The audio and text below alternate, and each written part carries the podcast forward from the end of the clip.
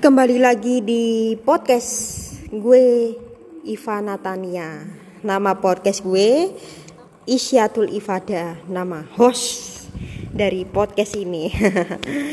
Karena ini kan merupakan akun email, sedangkan apa itu yang uh, akun gue yang Isyatul Ifada, yang email itu di HP yang satunya. Gue nggak bisa nih cara mengubahnya cara mengalihkannya gimana gitu. Tapi gue ya biasalah. Memang ya kayaknya seperti ini gitu. Ribet gitu. Kalau memindahkan mah ribet banget. Sekarang gue ngomongin soal uh, pertama kali manggung sampai terakhir kali manggung itu gue tuh kan manggungnya sambil main piano tuh. Dan itu pun grogi sekali. Pas pertama itu sambil main piano doang yaitu kadang-kadang ada yang not yang maksudnya kunci yang gue mainkan itu kadang-kadang salah gitu loh. E, cara mainkan kayak e, di minor misalnya lagunya seleng nih ku tak bisa. Gue waktu itu pernah cepet banget cara mainnya karena gue mange ya apa ya grogi gitu. Jadi kalau masalah grogi sama MC-nya sampai gue kalah-kalah nih nggak dapat piala gitu. Pertama itu pas tahun 2015 kalau nggak salah. Itu uh, gue denger ya nadanya itu kurang pas gitu. Cepet banget. Sampai-sampai ada salah gugup juga. Terus yang kedua itu pernah gue main um, di sebuah uh, sekolahnya itu pas ada gathering gathering sama uh, si wali murid waktu itu ya. Nah gue sama tante yang eh nganterin bukan tante tapi melainkan uh, tetangga gue yang nganterin sekolah waktu itu pas uh, lagu kedua. Ya lagu kedua itu yang kalau nggak salah gue masih ingat yaitu lagunya Republik yang hanya ingin kau tahu. Itu gue ada yang um, medot-medot maksudnya tersendat-sendat di pasti apa akhir-akhir lagu itu loh. Pasti teng teng teng teng teng teng teng teng teng teneng teng teng teng teng teng gitu kan. Ya maksudnya itu agak-agak kayak gimana ya? Bisa gue tuh orangnya uh, selalu kalau penampilannya itu pas grogi re grogi banget gitu loh. Sampai-sampai ah hmm, gimana sih? Gue pernah main nih sekali nih gitu. gue gue uh, justru ya terus saja gitu. Nggak nggak putus asa atau apa gitu. Terus dinasihatin uh, waktu itu sama uh, guru gue guru gue yang ngajarin musik gue waktu itu. Nah, gini. Lo itu harus ini temponya sesuaikan gitu loh. Jangan uh, tergesa-gesa. Maksudnya uh, terburu-buru. Ya harus uh, disesuaikan. Kayak contohnya tempo ini ada ada ada tempo pelan cepat gitu. Nah waktu itu karena uh, sambil main piano uh, gue main piano dengan nada yang seperti itu gitu. Gue tiru gitu. Tapi pas waktu di panggung itu tahun 2017 eh, gue masih ingat waktu itu pas sore-sore kalau nggak salah gue uh, tampil di sebuah panggung yang acara lomba-lomba band itu.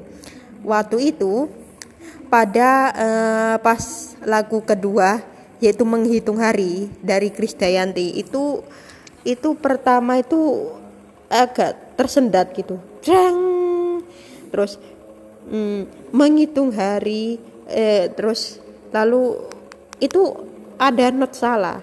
Ternyata gue mainkan kan ada F. Nah nada F terus habis itu eh, ke G langsung itu ke C terus uh, bener ya nggak tahu terus kemudian yang ke uh, selanjutnya itu nadanya ke mana gitu. Itu melodinya yang gue masih ingat itu berantakan gitu. Jadi gue kan apa nggak punya videonya ya. Jadi gue nggak apa bisa mendengarkan cuplikan gitu loh. Di podcast kali ini gue bebas ngobrol apa aja bebas. Mah namanya juga podcast. Nah kalau uh, dengan uh, menyanyikan kata menghitung hari breng breng nah itu ya um, pas itu kan kemarin kan kepingin gue uh, emang ya mudah-mudahan lancar lah tersendat. Tapi kalau yang uh, lagu pertama yang gue memainkan waktu itu cuma main piano doang yaitu Peter Pan dan sekarang menjadi lagunya Noah yang berjudul Mimpi yang Sempurna. Itu alhamdulillah bagus. Cuman ya gitu alhamdulillah yang pertama terus yang kedua itu dot gitu uh, artinya adalah tersendat-sendat. Itu itu juga tangan gue masih grogi sekali gitu kalau lama kelamaan kan enggak gitu.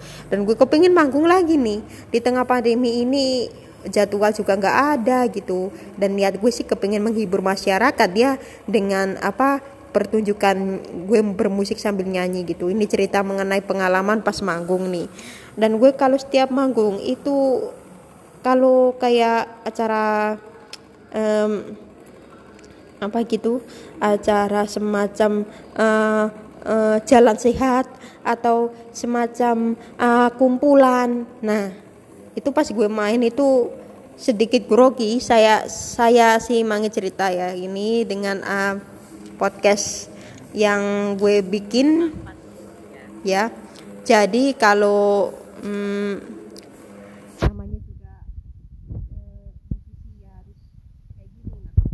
namanya juga harus latihan dengan sesungguh-sungguhnya gitu. Jadi kalau musisi dibilang oh pinter. Ya nggak mungkin. Itu nilainya nggak 100% ya kalau udah banget kayak uh, yang terkenal itu kayak seperti um, Yofi Widianto uh, kayak Erwin Gutawa gitu kan mereka kan sudah naik daun gitu. Nah besok kalau gue ngepodcast ini mau um, mau ngepodcast tentang host ya, eh, tentang lingkungan apa tentang host, apa tentang cinta bahkan gitu. Kalau ngehost tentang cinta juga ya silakan aja gitu. Ya kan follow sosial media di Instagram gue di @isyatul_ifadah kan itu adalah Instagram gue. Oke, jadi um, kalau ngobrol-ngobrol saya itu ya bro ya. Bikin-bikin apa? Ngepodcast uh, musik ya. Kalau gue sekarang itu kalau dulu emang ya paling sering itu lagunya selain ku tak bisa jauh-jauh darimu. Nah lagunya agak ngerok musisinya. Gue kebetulan suka musik rock nih gitu kan. Suka banget sama rock gitu. Karena sekarang uh, ini ya berhubungan dengan pengalaman gue pas manggung itu yang di 2016 itu ya masih agak ini musik yang gue mainkan itu. Berantakan gitu. Pas melodinya berantakan kuncinya juga hampir berantakan. Itu lagunya Andra and the Backbone yang sempurna. Grogi minta diulangi lagi minta diulangi lagi minta diulangi lagi. Sampai kapan gini biasanya? Gitu. Habis ini kalau uh, kalian habis mendengarkan podcast jadi seru ya kalau uh, apa ngobrol mengenai ini gitu jadi itulah ya uh, apa yang gue bikin-bikin sesuatu yang luar biasa gitu. Oh, jadi kalau uh, masalah manggung-manggung atau apa, jok MC, eh jok MC mungkin gue nggak bisa ya. Kami bisa podcast doang sambil MC MC.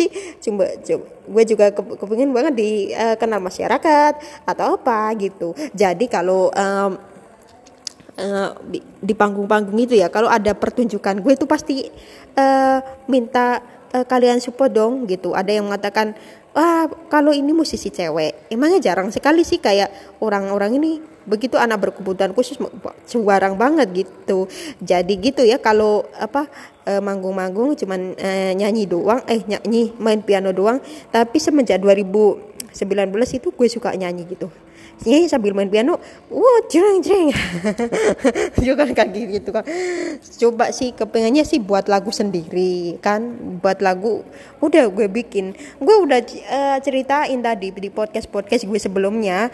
Lo lo lihat lagi ya. Lo dengerin lagi di podcast podcast gue sebelumnya. Itu ada cerita mengenai uh, lagu yang gue bikin di tahun 2019 yang lalu ya kan?